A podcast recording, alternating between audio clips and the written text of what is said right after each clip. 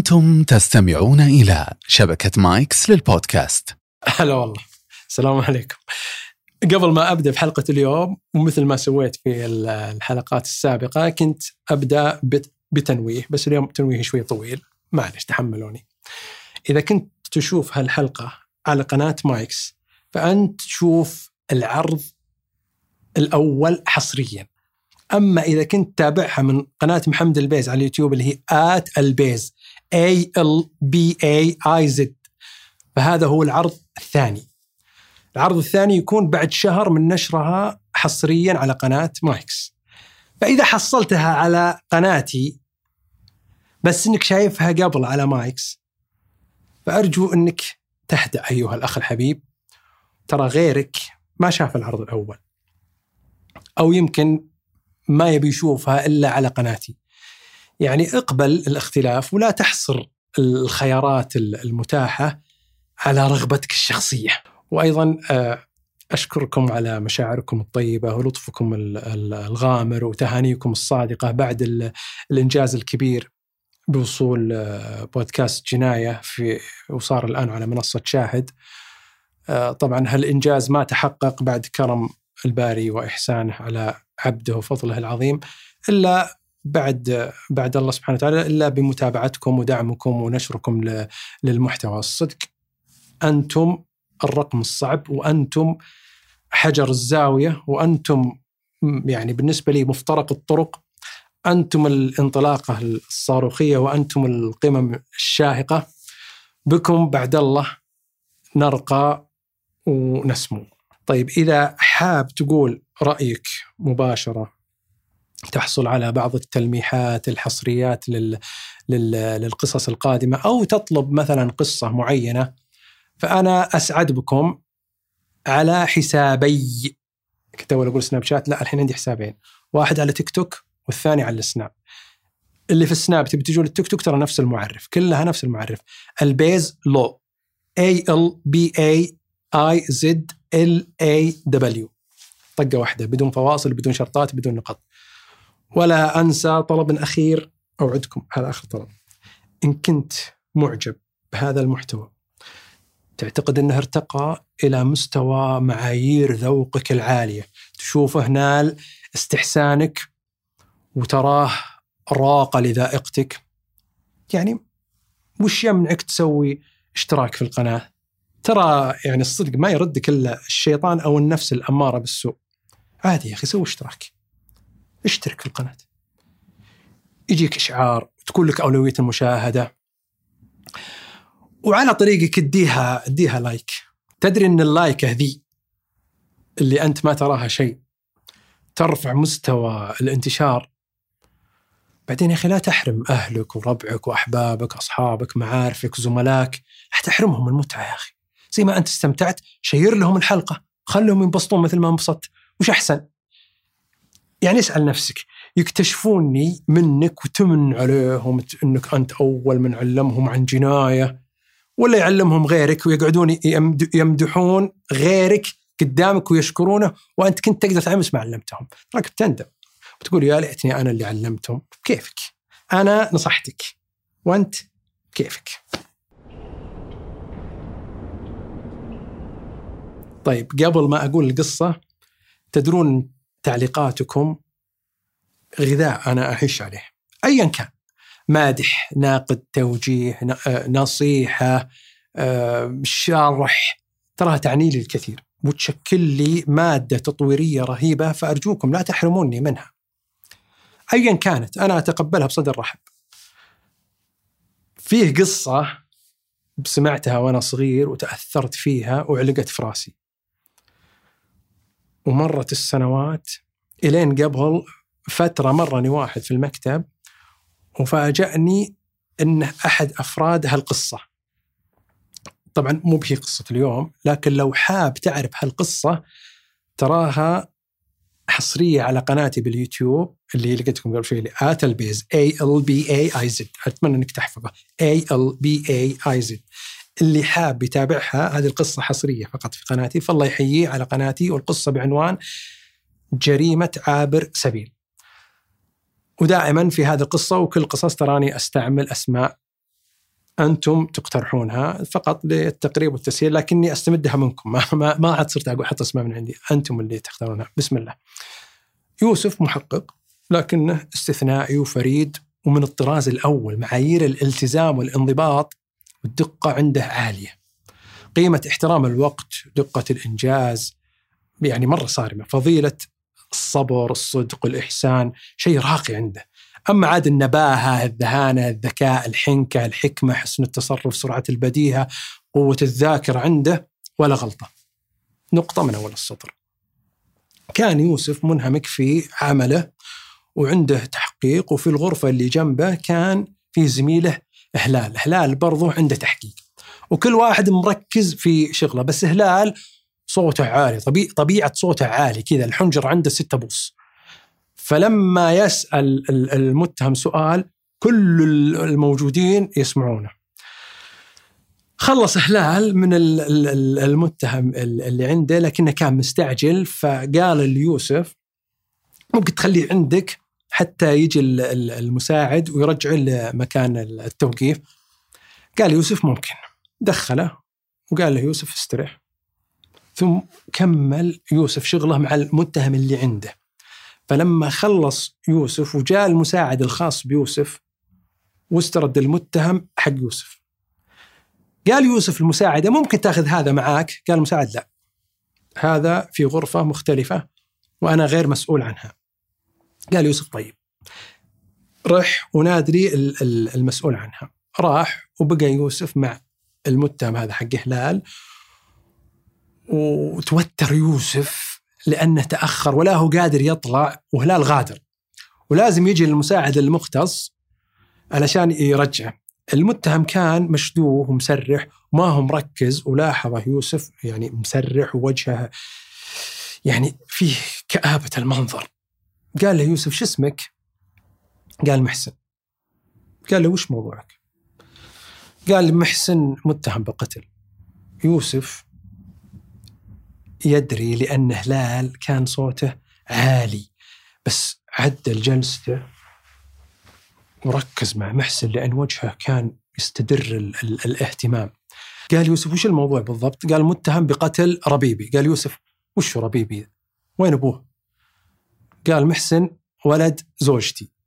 قال له يوسف وين أبوه طيب؟ قال محسن لأبوه متوفي والولد يتيم ويعيش آه، عندي. يوسف بدأ ينشد مع محسن وصار يسأل أكثر لكن محسن كان تعبان من التحقيق وواضح عليه الحزن. من الحزن والضيقة اللي فيه صاير محسن كأنه أيقونة الحزن في القرن الواحد والعشرين. مرة وجهه يعني شين من الحزن. يوسف من دون شعور اختلطت عنده دهشة الموضوع وشكل وشكل محسن. في هالأثناء جاء المساعد المختص واستأذن من يوسف وأخذ محسن المكان التوقيف الخاص فيه. قال يوسف ورا مخصصينك له. يقول للمساعد. قال المساعد لأنه في آه، منفرد ممنوع يكون مع أحد. وقام محسن وطلع مع مع المساعد. كانت مشتة ثقيلة كأنه شايل هموم الدنيا على رأسه. طلع يوسف وراح يكمل أعماله وانهمك يوسف في شغله ونسى اللي صار ومر اليوم بسلام وغادر. بعد يومين جاء هلال ليوسف وقال له يا أخي عندي قضية وبيك تساعدني. قال يوسف أبشر بس ترى أنت عارف عندي وعندك خير. قال هلال والله أدري بس أبي نجلس سوا وتنورني لأن عقلين أفضل من عقل تنورني وتساعدني. وأنت يعني يوسف الذكي اللماح الفاهم ول ول ول قال يوسف بس بس بس بس. لو تمدح إلى بكرة ما في. قال هلال شوف ترى الرئيس قال لي لما تناقشنا في القضية بحولها منك ليوسف. وأنا قلت في نفسي فرصة لكني رحمتك. أدري إنك كفو لكن ما ودي أكلف عليك. بس أبي مساعدات إضاءات ولا تراني بحرش عليك عند الرئيس وبتبلعها. هنا يوسف رضخ للأمر الواقع وقبل. جاب هلال القضية وفتحها على مصراعيها ونشر الأوراق. وصار يشرح ليوسف. أول ما بدأ يتكلم قال يوسف لحظة هذه قضية محسن.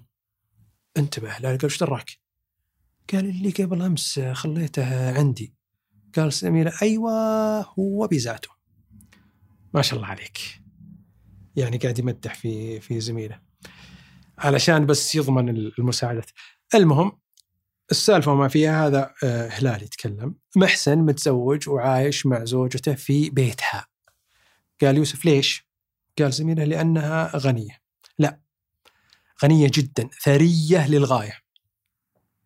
قال يوسف طيب وش كمل؟ قال زميله أيوة محسن تزوجها وعندها ولد من زوجها السابق. زوجها السابق متوفي من ثلاث سنوات والولد هذا اللي لها منه آه، عمره 11 سنة. الولد عايش مع أمه ومحسن عايش معهم لكن الولد توفي قبل أيام. قاطع يوسف قال كيف توفي؟ هلال عصب وهو أصلا صوته جهوري وعالي لما يكون مروق عاد كيف إذا عصب يمسك الملف بقوه ويضربه على على الطاولة قال تبي تخليني أعلمك بالهداوه ولا شلون؟ يا أخي أنا أبي أقصها على كيفي، أما قضيتي مو بشغلك. أبي أقولها زي ما أبي، ورا ما تسكت تخليني اتكلم. ممكن تسكت؟ هنا يوسف خاف من الأسلوب حق آه، زميله هلال وهو أصلا زي ما قلت لكم هو مروق أصلا شكله يروع كيف اذا عصب فخاف يوسف وسكت. يعني ما قلت لكم شوي يعني يوسف حساس ترى حساس مرة.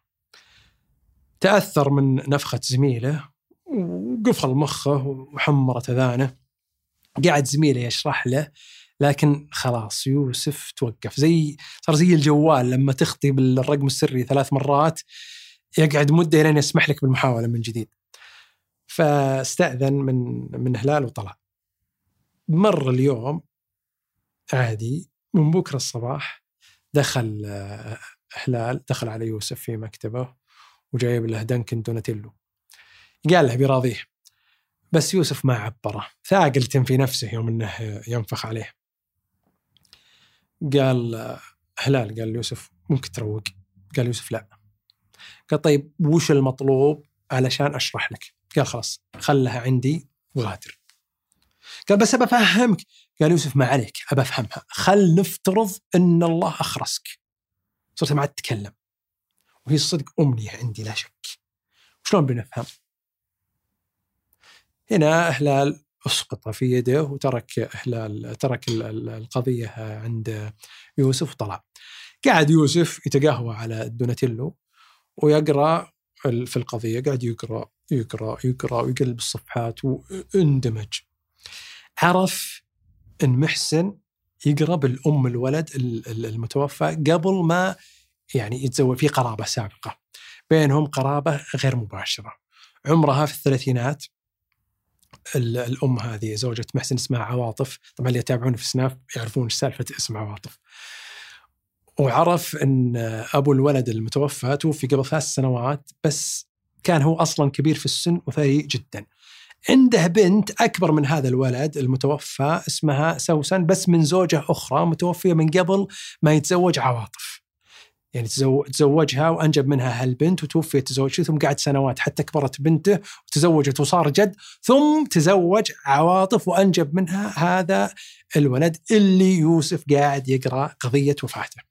لكن أبو الولد انفصل عن عواطف بعد سنوات من زواجه منها وتركها في البيت مع ولدها وكان أصلا مسجلها باسمها. الولد المتوفى له عم. أخو الشايب هذا الثري اللي توفي سابقا أخوه من الأب. وأصغر منه العم يعني تقريبا في أواخر الثلاثينات بداية الأربعينات واسمه براء. براء. عاد وش أسوي لكم؟ هذه الأسماء اللي اخترتوها. براء على علاقة طيبة بأخوه قبل ما يتوفى وأخوه مربيه أصلا من يوم كان صغير. عايش في كنف أخوه. علاقته طيبة برضه مع بنت أخوه سوسن وعلاقتها طيبة معه ونفس الوضع مع زوجة آه، أخوه وطليقته لاحقا هي عواطف. كان براء شبه عايش مع أخوه حتى وفاته وكان لصيق بالولد. هذا المتوفى من ولادته ومرة مهتم فيه وكأنه بيرد جميلة أخوه في تربيته له وحتى بعد ما تزوجت عواطف المحسن بقت العلاقة بين براء وولد أخوه كما هي وكان يزوره باستمرار في القصر أو البيت اللي ساكنين فيه. الولد لما انولد كان المتوفى هذا كان مريض أصلا، عنده عدة أمراض وبعضها إعاقات ويحتاج رعاية، فكان عنده ممرضة ما تفارقه وتخدم عليه كان الولد يتلقى عناية أبوه قبل وفاته، ثم لما توفي أبوه رعته أمه اللي هي عواطف. بالإضافة انه كانت ترعاه وقت أبوه لكن صارت عنده أمه ثم براء على نفس الاهتمام من قبل ومن بعد اللي هو عمه، لكن بعد سنتين من وفاه الشايب عواطف تزوجت محسن وبحكم إنها في بيت ولدها ولا تقدر تتركه بسبب مرضه سكن معها زوجها اللي هو محسن. فصارت جيات براء أقل بحكم وجود هذا الزوج وقلت ملاحظة براء للولد.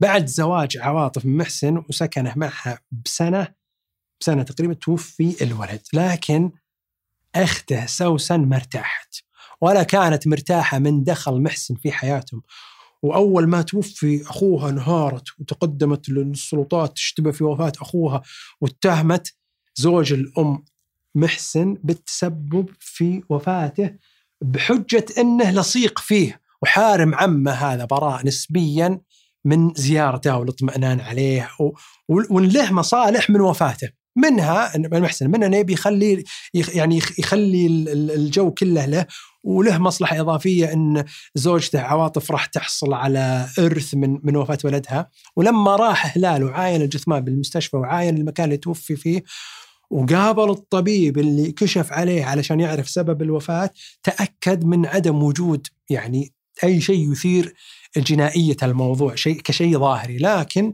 سوسن أخته كانت مصرة فصار هلال يتحقق ويتعمق أكثر وحقق مع كل الأطراف اللي اللي لهم علاقة بالولد عواطف أمه آه، زوج أمه محسن أخته حتى سوسن وإن كانت هي اللي شكت العم براء الممرضة. العاملات العاملين الحراس ما خلى أحد. اللي في القصر اللي هم عايشين فيه. الكل ما عنده معلومة مفيدة. كان هلال على وشك يقفل التحقيق. لكن بعد ما سوى انتقاله معايا وناقش الممرضة تغيرت قناعته وتأكد من وجود شبهة جنائية. طيب كيف؟ لما شاف تقرير الطبيب الشرعي لقى من ضمن فقرات التقرير أن الطفل عنده أكزيما أكزيما مزمنة ومن أسباب الوفاة أيضا آه، وجود اختناق وضيق في مجرى التنفس لما عاين جثمانه شاف طفح جلدي متفرق بجسمه ولما تناقش مع الطبيب وصاروا يحللون قال الطبيب الأغلب أنها حساسية ويتأكد هذا مع وجود تاريخ مرضي للولد لكن الحساسية ما توصل للوفاة. هنا شك هلال بالموضوع وراح للممرضة وسألها وش آخر ما أكل الولد؟ قالت انه طلب وجبة من المطعم وهم ما يخلونه ياكل على كيفه يراقبون أكله. وكان عمه إذا صار عندهم يعني جاي يزور الولد وكذا دائما إذا جاء يطلب من المطعم يدقق على الطلب إنه يكون خالي من المكسرات خصوصا الفول السوداني عنده حساسية عالية منها. قال لها طيب تاكدتي قالت ما أدري عنه. الولد يراقبه محسن مراقبة دائمة ولا يقدر يطلب إلا تحت إشرافه. أول كان العم لكن الحين صار محسن. رجع آه، هلال ترى هذا كله يوسف قاعد يقرأ القضية إلى الآن، المهم رجع هلال للطبيب وطلب منه يتحقق من موضوع الفول السوداني اللي هو ال peanut butter. تعرفون من المكسرات. عاد الطبيب الشرعي تحليلاته بعض التحليلات من جديد واكتشف إن الطفل فعلا صار ماكل فول سوداني. هنا تحققت شكوك الهلال وصارت الشبهة أكيدة لكن هل الولد طلبها ولا أحد حطها له؟ وإذا أحد حطها له من؟ أصرت سوسن على أنه محسن. خصوصا لما عرفت أن محسن هو اللي طلب من المطعم. تحققوا من كاميرات البيت وشاف ال ال ال الطلب يوصل ومحسن هو اللي استلمه ونفس الطلب اللي اللي استلمه محسن آه، أخذه الولد وأكله ثم نام. وتوفي في ليلة في, في ليلتها. ولما جوه الصباح لقوه متوفى. هنا قبض هلال على محسن ووقفه وصار يحقق معه في نفس الوقت اللي كان يوسف موجود في الغرفة المجاورة للتحقيق. اللي بدينا فيها القصة. يوسف وهو يقرأ فكر وحس بمنطقية اتهام آه، محسن وإن كل اللي قالته سوسن في محله لكنه تذكر الوجه اللي اللي دخل عليه في غرفة التحقيق وحس بشعور مختلف. فكر شوي ثم استدعى محسن ولما جاء وشاف وجهه من جديد جلس وصار يسولف معه وياخذ المعلومات من جديد. ومحسن يتكلم بكل حزن وفي نفس الوقت في تشوف الخوف في حس يوسف بشك وقال لا يكون قاعد يمثل ويسوقها علي فضغط عليه بالكلام وحاول محسن حاول يدافع عن نفسه ويوسف يواجهه بالأدلة اللي اللي ضبطها هلال. إلين جاء طاري عواطف اللي هي زوجته. وسأله وش جابك لها؟ ليش تزوجتها؟ طبعا بفلوسها هنا محسن انصدم وبانت عليه علامات الدهشة والمفاجأة ثم طمن رأسه وسكت. يوسف كرر عليه الكلام وضغط عليه ومحسن ساكت. ثم انتبه يوسف إن محسن كان قاعد يبكي. يوسف تفاجأ وما توقع إنه يبكي. فقام من الكرسي حقه وقعد في الكرسي القريب المقابل المحسن يوسف ما تمالك نفسه قلت لكم حساس ما تمالك نفسه وقاعد يواسيه. وهو ما يدري وش فيه يبكي. قال محسن أنا بيني وبين عواطف صله قرابة من بعيد واعرفها من يوم كنا صغار. وكنت أتمنى إني أتزوجها لكن الصدق ظروفي خصوصا المادية ما كانت تساعدني أتقدم لها. وهي لما تزوجت الثري هذا أبو الولد كانت صغيرة في بداية العشرينات تقريبا وأنا تعوضت بالله وحاولت أتعايش وأشوف حياتي ومرت السنين وأنا اشتغلت على نفسي ونسيتها أو تناسيتها لكني ما تزوجت ولا كنت أرغب بالزواج حتى جاء يوم ودريت أن زوجها توفي الله يرحمه بس صدق إني تولعت من جديد وقررت إني أتقدم لها خصوصا أن ظروفي صارت أحسن من أول. وبالفعل بعد ما مرت فترة منطقية قدام المجتمع مو بأجي أخطبها أول ما تطلع من العده، لا تركتها كم شهر ثم كلمت أختي لكنها صدمتني لما قالت إنها أصلا منفصلة عن زوجها هذا من قبل وفاته.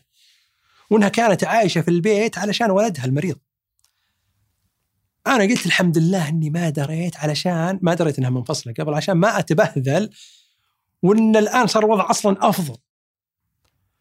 بطريقة أو بأخرى تقدمت لها وصار النصيب وكانت شارطة علي الاعتناء بولدها هذا اللي توفي. وأنا صدق حطيتها في عيوني كرمالها ورحمة فيه يعني وكنت أرعاه وأهتم به. أراقب أكله خصوصا مسببات الحساسية اللي هو يعاني منها. ألعب معه آه، أنزل معه في المسعى في المسعى أنزل معه في في المسبح ألعب معه PlayStation. لأجل عين تكرم مدينة. قال له يوسف معلش بس ربي ما شفته بعقلي عرفته. أوكي أنت تحب أمه بس ترى المال مغري والولد مكلف عليك ومنطقي إنه يزول عشان يصفى لك الجو وزوجتك. تراها ما ورثت لأن أبو الولد انفصل عنها قبل وفاته. فلذلك ما حصلت شيء فلو مات الولد والولد أصلا وارث من أبوه تبي تتخلص منه وأمه تبي تورث ولدها وتصير ضربت عصفورين بحجر. هنا محسن يعني لا يزال في حالة الإحباط. قال والله هذا اللي عندي. وما جاك إلا الصحيح. قال له يوسف الولد مات بسبب الفول السوداني.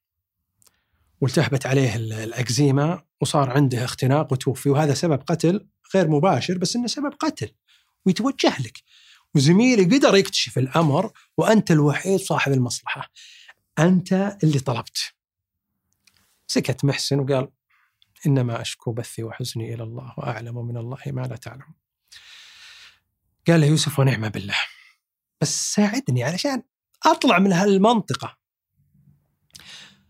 طمن محسن راسه ودمعت عينه وقال أرجوك رجعني. لما نادى يوسف المساعد علشان يرجعه وجاي يطلع سأله يوسف قال معك فلوس عشان لو احتجت شيء؟ في في يعني في في يعني في في ظروفه هذه. قال محسن معي فلوس بس في محفظتي ومحفظتي مع أغراضي عند هلال. جاء يوسف طلع من جيبه فلوس ومدها المحسن قال مش أمورك فيها الين أجيب لك من لين أجيب لك من من من محفظتك؟ عي محسن ورفض رفض رفض شديد. قال ما أخذها ما أخذها لو لو أموت. محفظتي فيها خير. إذا جاء زميلك كلمة لو سمحت قل له آه، يرجعها لي. قال له يوسف خذها الحين وإذا جبت لك محفظتك رجعها. قبل محسن المبلغ من يوسف لكنه قال هذا كثير يكفيني نصه. فأخذ نص ورجع نص. وراح راح محسن. قاعد يوسف يفكر في محسن. والمشكلة كل الأدلة تدينه هو اللصيق بالطفل والمسؤول المباشر له يراقب كلش الكنترول عنده. وهو اللي كلم على المطعم هو اللي استلم الطلب هو اللي أعطاه للطفل. غير كذا له مصلحة يعني واضحة وظاهرية له مصلحة من وفاة الطفل. منها يفتك من المسؤولية اللي الآن هو متحملها والتكلفة العالية من الاهتمام. يصفى له الجو مع زوجته تتفرغ له ومنها يجيها بعد ورث من ولدها خصوصا يعني ان محسن على قد حاله مقارنة بثرائهم. قرر يوسف يروح يقابل الأطراف كلهم من جديد عواطف سوسن وبراء الممرضة الخدم ويعاين البيت أو القصر من جديد. بكرة الصباح اتصل يوسف على عواطف وطلب منها إنه يجي للقصر عندهم واتصل على سوسن وبراء وطلب منهم نفس الشيء وقال لهم يجونه في هذا القصر اللي هو بيت الولد المتوفى. ما أدري بيتهم الكبير قصر خلينا نصطلح على تسمية القصر. لأن قصر اسم مسلسل. راح يوسف للبيت وقابل عواطف الأم وسألها عن القضية، قالت ان ولدي مريض من ولدته وعنده إعاقات متعددة لكن متعددة لكن سالفة حساسية الفول السوداني هذه ترى كانت مرة مقلقة جدا ومتعبة. من يوم كان صغير كان متعبني في حالها. صرنا نمنعها عنه وكان مرة مبهذلنا حتى كبر شوي وصار يعني يميز ويفهم إنه إذا أكلها يتعب صار يحس بالمعاناة كان يجيه ضيق تنفس حكه يقب جلده قاطعها يوسف وقال لكن هل كانت توصل إلى حد إغماء أو مسألة الوفاة؟ قالت لا. قال وش أسوأ ضرر صار له منها طوال فترة حياته؟ قالت نوبة اختناق كتمة سعال تحمر عيونه يقب جلده يعني يصير طفح وحمار وكذا فهذه المرة طلبنا له إسعاف وجو أعطوه العلاج الإسعافي اللازم ونقلوه للطوارئ لكنه هدأ وخف بعد ما أعطوه آه، مهدئات. وأكملت إن حسب كلام ترى الأطباء ما توصل للوفاه لكن علشان كذا انصدمنا لما عرفنا انه توفي بسببها. ومحسن هو اللي طلب له من المطعم. ومحسن عارف انه مريض ويدري انه من زمان مريض. من قبل ما يتزوجني. ومتفاجئ بعد انه سوى كذا. كان شرطي عليه انه يحط ولدي في عيونه لكن للأسف حطه في قبره. قعدت تبكي. حاول يوسف يهديها ويواسيها ويوسف يتأثر مرة. لكنها ما استجابت. وصارت تصرخ وانهارت يوسف خلقه يتضايق من الأصوات العالية مثل ما تضايق من من هلال. وفي هالأثناء حضر براء وسوسن وصاروا يهدئون عواطف لما شافوها تبكي ويواسونها. ثم جاء يوسف مسك سوسن على جنب وقال له خلي نطلع من هذه الغرفة. وهم طالعين لاحظ عواطف سكتت. قالت يعني الكلام مو موجه صحيح انه ولدي لكن ارتحت بوفاته. كان كلامها موجه البراء لأنه قاعد يواسيها. علقت كلمات عواطف الأخيرة في ذهن يوسف وطلع وبدأ يناقش سوسن عن الحادثة، قالت أخوي ما أعطاني الله من هالدنيا غيره وفقدت أمي من صغري وأبوي صبر ولا تزوج حتى كبرت وتزوجت وصار جد، ثم تزوج عواطف. وأنجبت لي هالأخ وكنت فرحانة فيه وأحبه كثر عيالي. وكان صديق لهم وبينهم يعني صداقة ورفقة حبهم ويحبونه لكن بسبب إعاقته ومرضه كان ما يقدر يمارس حياته بشكل طبيعي ولا يقدر يطلع كثير لأن له سيارة خاصة وأدوات خاصة أحيانا عنده أسطوانة أكسجين تدف وكرسي ال wheelchair هذا حق اللي أحيانا يستعمله وعنده بعض الاحيان العكازات مساعدة فكان يحتاج عناية ورعاية ولا كان يطلع كثير قليلة طلعاته. ومن انولد وعمي هذا براء يراعيه ويعتني فيه ومن بعد ما توفى أبوي زاد حرصه ورعايته واهتمامه. لكن من دخل محسن ذا في حياتنا تلوثت الحياة. وبحكم ان عواطف شرطت عليه ولدها والعناية به صار يجلس في البيت كثير ومرتكز لنا. صرنا ما نقدر نجي لا أنا ولا عمي إلا بحدود مرة ضيقة والولد أصلا يحبنا ومتربي على يدينا أنا أخته وذا عمه. وما تقبل ترى محسن من الأساس ولا يواطنه. وترى حتى محسن ما يواطنه. لكنه انفرض علينا. ما نقدر نقول شيء. وبحكم ظروف ال ال الولد الصحية وما يقدر يطلع من البيت كثير واصلا أبوي كان مجهز له مرافق البيت يعني بحيث انها تناسب ظروفه الصحية. وكنت أنا وعمي من قبل وفاة أبوي نهتم فيه ونراقبه. لكن بعد ما دخل علينا تولى محسن ودخل علينا في الخط تولى الأمور وحنا يعني ابتعدنا بالغصب. لكن عمي كان يجي أكثر مني بحكم إنه عايش من زمان في البيت على أيام أبوي والبيت أصلا كبير. وعمي ترى بعد ما كان زي ما كان زي عم عمي ما كان مرتاح المحسن تصرفاته زيي أنا ما كنت مرتاح له وهو أيضا ما كان مرتاح حسيت إن محسن داخل على طمع حاصل له يعيش في قصر وعز وخير وما استبعد إنه مسويها. هو المستفيد الوحيد. طيح عنه مسؤولية الولد في الوفاة تطيح عن مسؤولية الولد. تلتفت لزوجته. يجي خير من ورث زوجته من ولدها.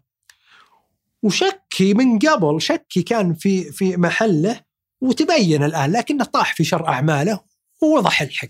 قال لها يوسف لكن حققنا معاه ومنكر قالت سوسن طبيعي بينكر. أجل وش تتوقع؟ واحد قاتل بيعترف. بينكر. والتهمة واضحة وضوح الشمس. قتل الولد بشيء ما يمكن يستدل عليه. وما استعمل سلاح ولا شيء مباشر ولا ولا استغل الحساسية اللي هو يعاني منها. قال يوسف لكن ترى الحساسية ما تسبب الوفاة في الأغلب. قالت فيه نسبة تقتل ولو بسيطة. وبعدين الطبيب الشرعي أكد أكد إن هذا الشيء أدى لوفاته. المهم تناقش هو وياها وكانت يعني محتشية ومعصبة وغاضبة. لين آخر شيء قالت أنت محقق ولا محامي؟ ليش تدافع عنه؟ قال يوسف أنا محقق بس إني أحاول الوصول للحقيقة. ما راح أتهمه بالقتل وأنا مو متأكد. قالت والله إذا كل هالبراهين قدامك ولا تحققت إنه هو القاتل فما راح تتحقق. المهم قامت وخلته. طلع يوسف من الغرفة اللي كانوا فيها. وراح لعواطف لأنه يذكر البراء كان عندها لأنه لما تركها كان يعني كان هو موجود عندها. بحث عنه يبي براء ولا حصله. صار يدور في البيت ودار في البيت ثم سأل أحد العاملات عن غرفة الولد المتوفى ودلت عليها. قال أبى أروح الغرفة لين ألقى براء. لما وصل كان الباب مطرف مفتوح شوي وجاء بيدخل لكنه وقف يوسف. سمع صوت من داخل الغرفة قرب إذنه ويتوحى ويسمع صوت بكاء. قز من من برا باتجاه الداخل الغرفة شاف براء قاعد على ركبته واتجاهه للسرير وظهره للباب. ثم انتظر يوسف شوي يبي يدخل في الوقت المناسب. درى إن هذا هو اللي يبكي ومن دون ما يحرجه لأن كان يعني يبكي ولاحظ إن بكائه يزيد ثم ينقص ثم يسكت ثم يبكي. غريب بكاء ثم استغل فترة سكوت معينة ثم دخل عليه. أول ما دخل تخوب البراء ومسح وجهه بكمه وكان ماسك يد البستيشن حقة الولد المتوفى وضامها. طلع له يوسف منديل ومده له قال له البقاء لله. ثم قعد يدور في الغرفة ويشوف أغراض الولد وذا يمسح وجهه. يشوف ألعابه ملابسه أغراضه أدواته أشياء اللي يستعملها في حياته لأن عنده يعني إعاقة أشياء مخصوصة للي عنده إعاقة. ثم التفت على هذا العم براء وقال شكلك كنت تحبه مرة. قال براء إيه كان بمنزلة أخوي الصغير. ولو ما حبيته يكفي أحبه وفاء لأبوه اللي رباني ثم صار يتكلم عن أخوه ومواقفه معه وتربيته له. سأله يوسف وش وضعك في الحياة؟ قال كنت ماسك بعض أعمال أخوي قبل ما يتوفى لكن بعد ما توفي ما ورثه إلا هالولد وأخته سوسن وأنا ابتعدت يعني بعد ما عواطف تزوجت من محسن وكنت قبل مسوي لي بزنس صغير وكبرته والحين أنا مشغول فيه. قال له يوسف أنت كنت ساكن هنا قال براء تقريبا من حياة أخوي كنت هنا حتى بعد ما أنفصل عن عواطف بقيت كنت مرافق ولصيق بأخوي ومتعلق بولده وما أشوف يعني ما أشوف شيء غيره، أشوف نفسي فيه وحريص عليه وعلى صحته وأراعيه وراقب أكله، لكن بعد ما تزوجت أمه أنا صراحة أبتعدت شيئا فشيئا حتى صرت ما عاد أقدر اشوفه إلا النزر القليل. قال له يوسف ليش؟ من منعك؟ قال مو بمانع بس صدق يعني محسن بعد ما تزوج صار هو سيد البيت والتحكم عنده ولا أجي أشوف ولد أخوي إلا بالحسرة. قال له يوسف وين ساكن أنت؟ قال عندي بيت بيت صغير على قدي قريب من شركتي في يعني في منطقة في في الضواحي في منطقة ضاحية استقريت فيه بعد وفاة أخوي قال له يوسف هل بينك وبين محسن عداوة؟ قال اسأله إن كان يعاديني أما أنا فالله ربي وربه الله ربي وربه مالي فيه ولا له فيني بس حسيت فيه عدم قبول لي. ولا يبيني ولا يبي سوسن ويضيق علينا إذا جينا ويصطنع ال ال الأعذار والعواقب العقبات ويشغب علينا. قال له يوسف مش مثل. قال إن جينا في الليل قال الولد يبي ينام وراح مدرسه وإن جينا العصر قال مذاكرة. وإن لعبت معه بلايستيشن قال حدك ساعة انتهت. صحتك ما تسمح. لا تطول. شخص نكدي وتنكيده. الصدق واضح إنه علشاني لأن الولد كان يعلمني أنه إذا صار الحالة ما يمنع ولا يهتم بدراسته. فاكتشفت أن هالأشياء ما تطلع إلا إذا أنا أو سوسن موجودين. قال له يوسف هل عندك شك أن محسن تسبب في وفاة ولد أخوك؟ قال يعني براء. الله براء إلى الله. تف تف تف تف مدري مدري. ما حط في ذمتي. لكن سوسن مصرة أنه متسبب. بيني وبينك يعني يسويها. وش اللي يخليه ما يسويها؟ انتهى منه يوسف وراح للممرضة وسألها. قالت له عن أمراض الولد والمحسن كان مهتم. سألها كيف الولد أكل فول سوداني مع أن الجميع يعرف أنه مريض. قالت ما أكل. قالها طيب الطبيب الشرعي يؤكد أنه ما أكل فول سوداني قبل وفاته. قالت الأكل اللي جاء ما فيه. قال يوسف كيف أجل أكله؟ قالت ما أدري. بس أنا شفت أكله وما كان فيه فول سوداني. قال لها طيب هل محسن لما طلب تكلم عن الفول السوداني قالت ما أدري لأني ما سمعته وهو يطلب. غادر يوسف. ورجع لعمله وقعد يفكر في هالأثناء دخل عليه هلال وسولف معاه عن القضية علم إنه راح للبيت وقابل عواطف وبراء وسوسن والممرضة واللي صار والمعاينة قال هلال طيب استفدت شيء؟ قال يوسف لا لكن أخي في نفسي شيء قال هلال إيش؟ قال يوسف أدري إن التهمة بحق محسن يعني قوية ومنطقية لكن يا أخي في داخلي أحس ما تقبلتها يا أخي ما أرتحت ما ارتحت أبد. أحس إن السالفة مي بكذا. قال له هلال شوف أنا بين أمرين. يا إنه محسن فعلا مسويها وهي حسب رواية آه، سوسن. وكلامها يعني منطقي جدا. أو إنه لا.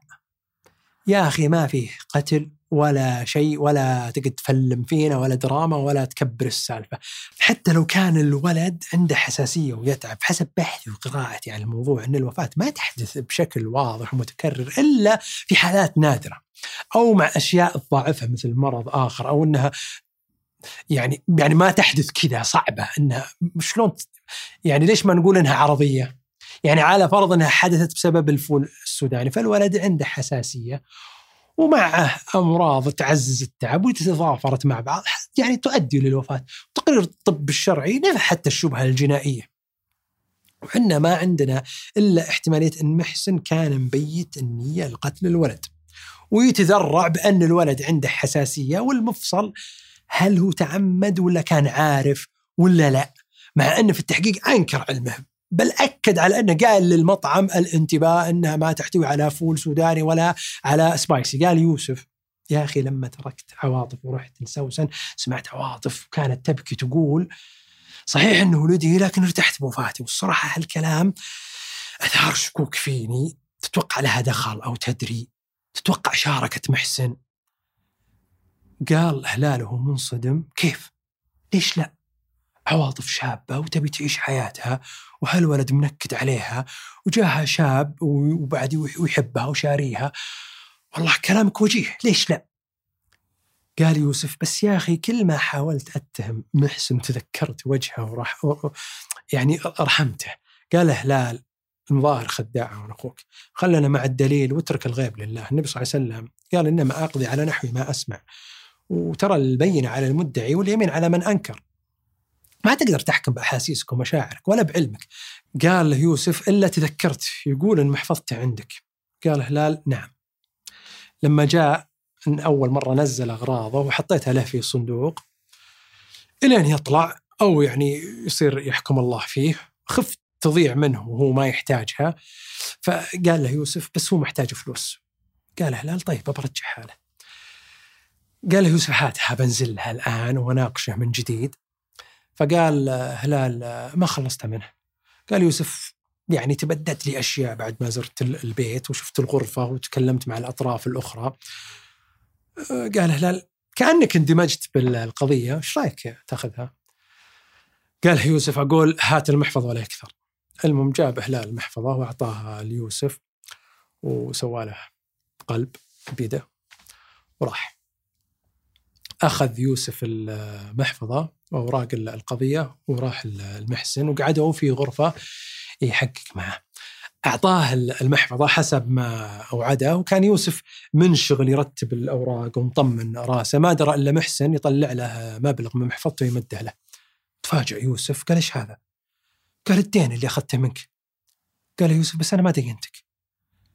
قال محسن نسيت لما حققت معاي أمس قال لا لكن الموضوع تافه ما يسوى مو مو بدين. عصب محسن قال أنا ما أخذت منك إلا لما أنت قبلت إني أرجعها لك. قال له يوسف بس يعني أنا مستتفه السالفة مبلغ بسيط ما يستاهل. قال له محسن دامك كذا خذ فلوسك. قال له يوسف والله ماني ماخذها يعني مبلغ مره ما تستاهل ما, ما عادي. لكن تدري بخير شوف أي واحد حولك محتاج واعطيه اياها يا أخي اعتبرها صدقة عني وعنك.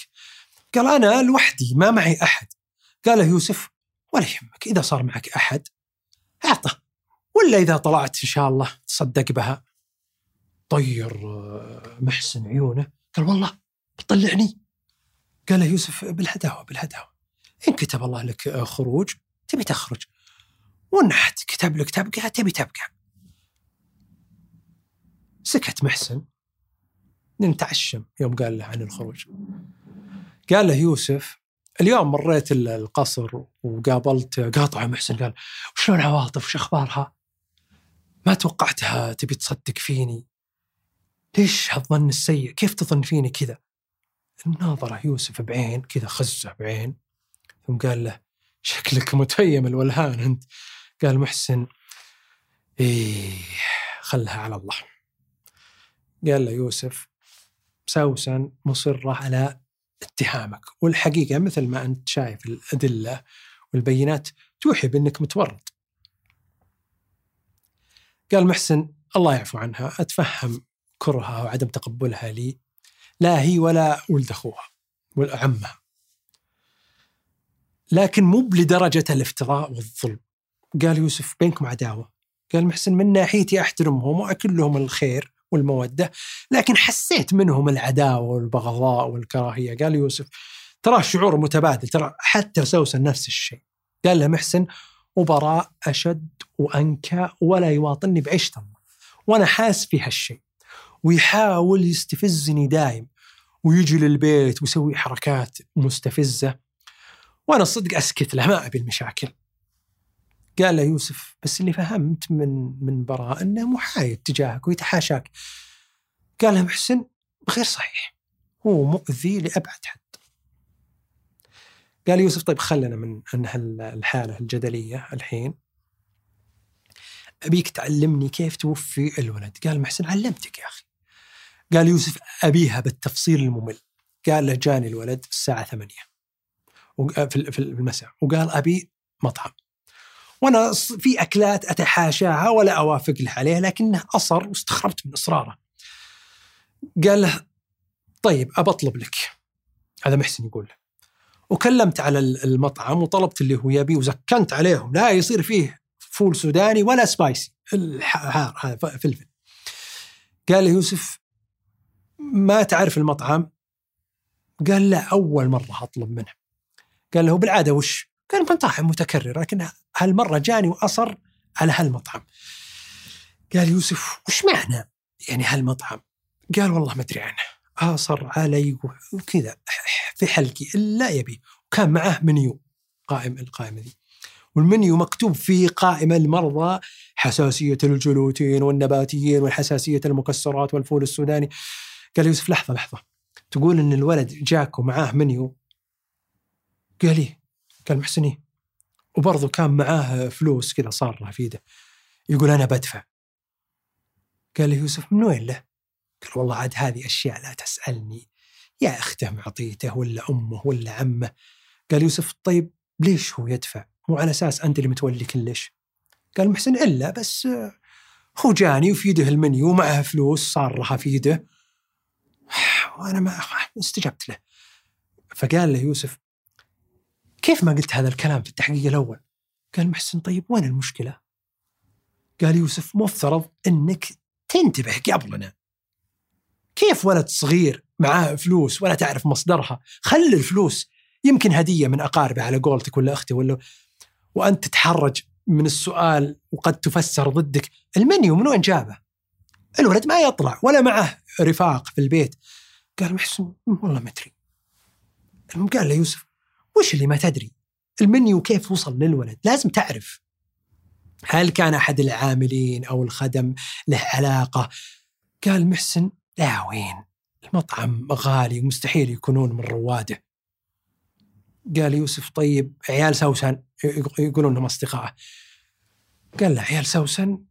قلت جياتهم مؤخرا وان جو ما يجون إلا في إجازة نهاية الأسبوع ولا يجون إلا يعني وقت بسيط واحيانا ما يجون. قال طيب عواطف. قال محسن ولا عواطف ما لها اهتمام بالاشياء طير يوسف عيونه في محسن وقال له اسمع أنا أحاول أساعدك. تبي تساعدني؟ أساعدك. ولا واجه قدرك يا أخي بنفسك. وقفل الأوراق وكان يوسف شوي معصب ورفع أوراقه وجاه بيطلع لما رفعها رفع الأوراق وكان طرف بوك محسن على الطاولة اللي هم جالسين عليها وكان البوك منفوخ. قال له يوسف والله بوكك منفوخ. قال محسن أنا أجمع الفواتير علشان إذا سألتني عنها عواطف ولا العم وجو يحاسبوني لا معي يعني شيء نحمي به نفسي. طلع يوسف وراح. لما وصل الباب آخر باب انتبه ورجع بسرعة ولقى محسن راجع لغرفته وماسك محفظته ومسك يوسف محفظته بقوة وسحبها منه وفتحها يفتش فيها. انهب المحسن قال إيش فيك؟ سلامات. إيش تدور؟ أنا اعطيك. استغرب من اسلوبه قال له يوسف وين فاتورة المطعم؟ قال لحظة لحظة بطلعها لك يفتش يفتش يفتش بين الأوراق إلين طلعها له أخذها يوسف نظرها شوي ثم حطها في جيبه وطلع. كان الوقت ليل والوقت يعني يعني متأخر بعد منتصف الليل والدنيا قفلت. عطى يوسف الورقة هذه الفاتورة حقت المطعم لأحد المساعدين. وقال طلع لي موقعه ومعلوماته. من بكرة الصباح راح يوسف الهلال وعلمه بالسالفة وقال له يوسف لازم نروح للمطعم وناخذ تفاصيل. أنت ما رحت للمطعم ولا فتحت باب المطعم. اتصل على المساعد قال له وين معلومات المطعم اللي قلت لك البارح؟ ويجيه المساعد ومعاه العنوان. انطلقوا يوسف وهلال للمطعم. لما وصلوا قالوا للمطعم هذه الفاتورة. من اللي طلبها؟ فتش المدير حق المطعم في السجلات وأعطاهم رقم الجوال والعنوان ومعلومات صاحب الطلب. وكان محسن هو هو اللي ثبت طالب. قال يوسف الطلب هذا يحتوي على فول سوداني. قال المطعم الأصل إنه يجي في مكوناته فول سوداني. ما يحتاج هو مكتوب في المنيو. لكن ما يكون هذا الفول السوداني ظاهر للزبون لأنه مخلوط من ضمن المكونات. بس إحنا نفصح. قال هلال بس فيه ناس ما يبونه. قال المطعم إحنا كاتبين في المنيو إنه يحتوي على فول سوداني. قال هلال بس فيه ناس ما يبون أو عندهم مشكلة. قال المطعم عادي كثير يجينا ناس يطلبون استثناء شيء يبون مثلا هالوجبة ويقولون شيل لنا الفول السوداني يقول شيله لهم. قال يوسف أيوه هنا مربط الفرس الطلب هذا قايل لكم بدون فول سوداني لكن لما وصل كان في فول سوداني. قال المطعم مستحيل. طالب بدون يعني بدون. قال يوسف طيب يمكن خطأ. قال المطعم لا لا لا. هذه الأمور ما يدخل فيها الخطأ. لأننا نعرف الضرر اللي ممكن يترتب عليه. قال يوسف لكن صاحب هذا الطلب تراه توفي بسبب إن احتواء الطعام على الفول السوداني. قال المطعم بس أنا متأكد إنه كان خالي. مسكته شوي. ثم قال يوسف خلني أقابل كل مسؤول عن تحضير هالطلبات من متلقي الطلب إلى عامل التوصيل. ثم قال تفضلوا أول شيء يجي الاتصال وغالبا أنا اللي أتلقاه أو زميلي والطلب هذا أنا اللي متلقيه لأن رقم user ي واضح في الفاتورة. ثم إذا اعتمدت تروح النسخة للمطبخ وتفضلوا تعالوا أوريكم نروح المطبخ ونشوفها راحوا وقابلوا الشيف قال أنا أستلم الطلبات وأحضرها حسب ما هو مكتوب في الفاتورة اللي تطلع عندي. ودائما يجينا طلبات بدون فول سوداني بدون بدون أو زياد أو مثلا زود فول سوداني. قاطع يوسف وقال وش نوعية الإضافة هذه حقت الفول السوداني؟ قال هو بشكل مجروش. لا هو powder ولا هو بعدل فول سوداني عدل. يلا تحس فيه لكن نكهته تكون واضحة خصوصا اللي تطعم يحب الفول السوداني. واصلا يعني أنا أستغرب من اللي يطلبونه بدون فول سوداني لأن الوجبة حالاتها فيه تصميمها كذا جاي بالطعم هذا. لكن بكيفهم؟ ثم إذا خلصت وقفلت الباكج أرجع للاستقبال والاستقبال يسلمه للتوصيل. المهم طلعوا وقال هلال وش وضع التوصيل؟ قال عندنا سيارة توصل مجهزة وفيها حافظة حرارية ياخذ العامل الطلب ومعاه العنوان ورقم صاحب الطلب والفاتورة ويطلع ويروح يسلمه. قال نبي تفاصيل التوصيل، قال المطعم التوصيل طالع الآن يوصل أول ما يوصل بخليكم تقابلونه انتظروا دقائق ثم وصل العامل حق التوصيل. سألوه عن الطلب هذا حق محسن قال ما أتذكر هذا له أيام وأنا يوميا أوصل عدة طلبات. بس أنا أستلم من المطعم وأوصل حسب العنوان ولا أدري وش في ال package عندي كيس في وسطه طلب ومعه فاتورة ومعلومات صاحبه. وأروح واوصله سكتوا شوي. قال يوسف الهلال ضروري نعرف كيف انضاف الفول السوداني للطلب ومن اللي أضافه. دام المطعم يقولون إن محسن طالب بدون والمطعم مصر إنه صلحه بدون والتوصيل يقول سلمته كما استلمته. طلعوا برا. وداروا شوي على المطعم وشافوا سيارة التوصيل وتجهيزاتها ركبوا فيها آه، شافوا أوراق منثرة ونسخ من المنيو نفس المنيو اللي اللي جابه الولد. قال العامل هذه أحيانا أنا أوزعها في الجوار إذا صار ما عندي شغل أدور أسوي كتسويق. كملوا دورانهم ثم انتبه يوسف. قال له لا لحظة إحنا وين؟ ليش محسن أصلا يطلب من هذا المطعم وهو بعيد عن موقعهم؟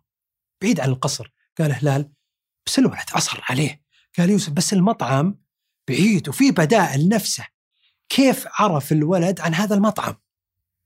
بعدين حسب أقوال محسن إن الولد لما جاء كان معاه نفس المنيو اللي شافوه آه ذا.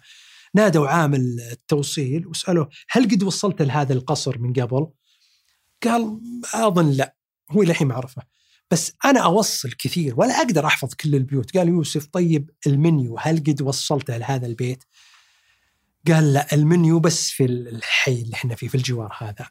أبعد يوسف وقعد يفكر من قوة التفكير قطع الشارع ورجع يروح ويرجع. جاه هلال قال له حسن ماشر وراك قطعة الشارع ورجعت. أنت الله يحفظك لا تعد لا تدعسك سيارة. قال له يوسف اركب مع العامل. استغرب هلال وش عنده ذا وراح ركب وراح يوسف للمطعم وقال أبي الطلبات اللي سجلتوها مع طلب محسن في نفس الوقت أو قريبا منه قبله بشوي بعده بشوي. دخل مدير المطعم على السيستم وطبع له بس ما كان فيه إلا طلب واحد غير طلب محسن. أخذ يوسف هذا البيان المتزامن مع طلب محسن وركب مع العامل ومع هلال عامل توصيل وقال العامل ودنا لهذا العنوان. ولما وصلوا شاف يوسف الموقع وكان بيت في مكان هادي ومظلم. قال له يوسف تعرفه؟ قال حمل لا. بس آه، يعني تذكرت هذا كان طالب طلب ووصلته بالتزامن مع طلب محسن. بس لأنه قريب وصلت له قبل. وأذكر قد إن يعني وصلت لهذا البيت أكثر من مرة. وعنده ترى مكان ثاني أوصل له بعد. نفس الشخص أوصله في مكان ثاني. قال يوسف ودنا له. لما وصلوا للمكان الثاني وكان قريب منه مو بعيد أشر عليه العامل. وكانت مفاجأة غريبة. المكان الثاني طلع مقر شركة براء اللي هو عم الولد. قال يوسف تأكد أن صاحب البيت هو نفسه صاحب الشركة؟ قال حمل إيه. وبلا مارية أعطاني على هذا الطلب بقشيش بقشيش. قال يوسف طيب دايم يعطيك. قال لا لكن هذه المرة ترى أول مرة. المهم قال له يوسف كم أعطاك؟ قال نفس مبلغ الطلب أو أقل منه بشوي. استغربوا سألوا ليش يعطيك كذا؟ يعني بالعادة البقشيش. يصير مبلغ متدني يعني يمكن يشكل 5% 10% من الطلب بس ما يوصل إلى مبلغ حلو مبلغ الطلب. قال لأنه قال لي أنت غلطان في الطلب. أول ما جيتك آه، في ناظرة قال أنت غلطان. وبغيت أرجع للمطعم لكنه نزل معاي للسيارة وشيك على الطلب وقال لي لا لا لا خلاص هذا هو. دقق يوسف في نوعية الطلب في نفس الفاتورة حقت هذا وطلع نفس الطلب حق محسن. لكن كان فيه زيادة فول سوداني. دقق في فاتورة محسن وكان بدون فول سوداني. قال له يوسف أنت سلمته الطلب ولا هو أخذه بنفسه؟ قال نزلت أسلمه لكنه لحقني وفتح الباب وفتح الحافظة وشيك ثم قال آه لا لا خلاص. وقلت له هذا طلبك حسب ما جاني من المطعم وعليه فاتورتك. ثم قال لي شكلهم بدلوا الطلبين. وأنا هذا العمل يقول وأنا شكيت لأن معي طلب ثاني اللي هو حق محسن. فقال لي هذا صاحب الطلب ابى معاك نشيك في السيارة. ونزلنا سوا وهو سبقني وفتش بنفسه ثم قال لي لا صح عليك أنا آسف. فعلشان ذا الموقف البايخ راضاني بالبقشيش التفت يوسف على هلال وقال العامل بيكون ضيفنا الليلة. خذوه معهم ورجعوا. وبدأوا يعني يحققون معاه وأثبتوا الرواية الكاملة اللي قالها ثم جابوا محسن ولما شافه تعرف عليه قال هذا صاحب الطلب الثاني. قال له يوسف تدري أنت وش سويت؟ أنت مكنت براء من تبديل الطلبات بدون ما تدري. ألهاك برواية الخطأ في الطلب ثم البقشيش ثم نزل وبدل الطلبين وأنت غافل. ثم التفت يوسف على محسن. قال له متى آخر مرة زاركم براء قال محسن كان مع الولد يلعبون بستيشن ولما وصلت أنا على طول هو طلع ولا كلمني ولا شيء ثم جاني الولد وأعطاني المنيو وكان مع الفلوس اللي صار لها. قال له يوسف ولا قدرت تعرف من وين له؟ قال لا. قال المنيو هذا يوسف قال المنيو جايبه براء. وقدمه للولد وأغراه فيه وإمعانا في ضمان الطلب أعطاه الفلوس وعلشان يتخلص منك ويتخلص من الولد. قال محسن مستحيل. قال لا وش اللي مستحيل؟ قال محسن صحيح براء يكرهني ولا يواطني بس ترى يحب الولد مرة. وش المصلحة؟ قال يوسف مصلحة براء من وفاة الولد أشد من مصلحتك اللي كانت في رواية سوسن. براء إذا مات الولد هو بيورث منه مباشرة له ورث. وأنت؟ لا.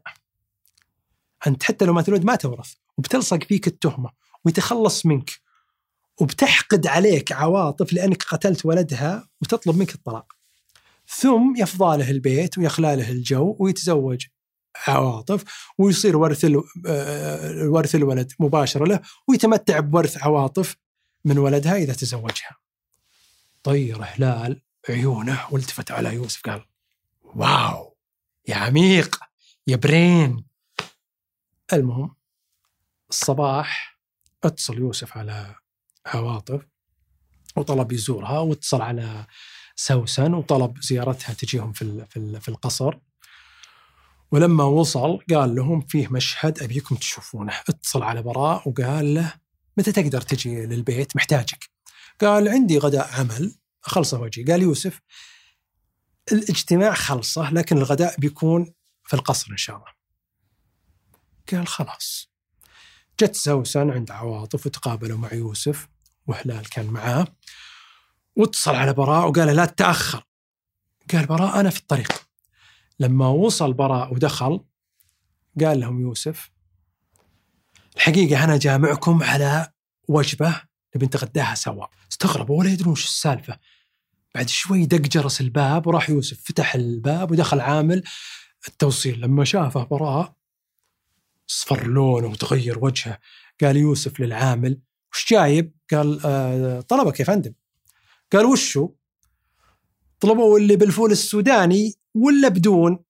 ثم قال يوسف للعامل وش سوى براء لما جيت توصل ذيك الليلة؟ قال عامل السالفة كاملة وعواطف وسوسن يسمعون ثم براء تخوبل ولا عارف وش يسوي ثم قال له يوسف على بالك يوم تمثل إنك تبكي في غرفة الولد إني صدقتك ترى سلكت لك سلكت لك لا أكثر ترى كل شيء واضح عيانا بيانا بس حبيت إن عواطف وسوسن يسمعون شهادة العامل ضدك علشان يعرفونك على حقيقتك. كان يوسف مجهز أمر قبض من قاضي التحقيق على براء وفي نفس الوقت الإفراج المحسن. في التحقيق اعترف براء بالنتيجة اللي توصل لها يوسف وأنه كان يهدف يتخلص من محسن علشان يتزوج عواطف ويتخلص من ولد أخوه علشان يحصل على ورث منه لأن ما له وريث غير أخته وأمه والعم براء. لأنه طمعان وأخوه ما أعطاه شيء لما توفي وأنه يشوف مظاهر الثراء والبذخ وانقهر لما راحت المحسن وهو طلع منها. وخطط يتخلص من محسن وجاء للولد في يومها ولعب معاه بستيشن وسووا تحدي واللي يخسر بيعشي الثاني وخلاه يفوز. وأعطاه المنيو وأعطاه الفلوس وأغراه إن الوجبة لذيذة ولذذها في في في مخيلته وكان عارف إن هذا وقت جيد محسن علشان يعطي محسن الوجبة للولد بناء على اتصال محسن على المطعم ويطلع منها براء. أنا مالي دخل. وأول ما طلع براء اتصل على المطعم وطلب نفس الطلب بزيادة فول سوداني اللي هي الفاتورة الثانية. وخطط إذا جاه العامل يصير هو وصل للبيت إذا جاه العامل يسوي حركة التبديل وراح البيت بسرعة وقابل العامل وبدل الطلبين بدون ما ينتبه العامل وعلشان يضمن إلهاء العامل أعطاه بشيش ولما صارت الوفاة حرض سوسن تتهم محسن علشان ما حد يشتبه فيه. المهم قررت المحكمة معاقبة براء على أفعاله بالمساهمة في قتل الولد والتسبب في قتله. ومن ضمن قراراتها حرمانه من حقه في الميراث لأن من استعجل شيئا قبل أوانه عوقب بحرمانه. وعاقبته بالسجن قرابة 30 سنة بتهمة القتل وتلبيس التهمة ظلما وزورا لمحسن. عواطف وسوسن تنازلوا عن حقهم ضد براء. وفي هذه اللحظة أعلن انتهاء القصة وأحيي الأخ يوسف الذكي والبراء والبرين. وأتمنى توصياتي لكم في بداية القصة. ما تنسونها في أمان الله.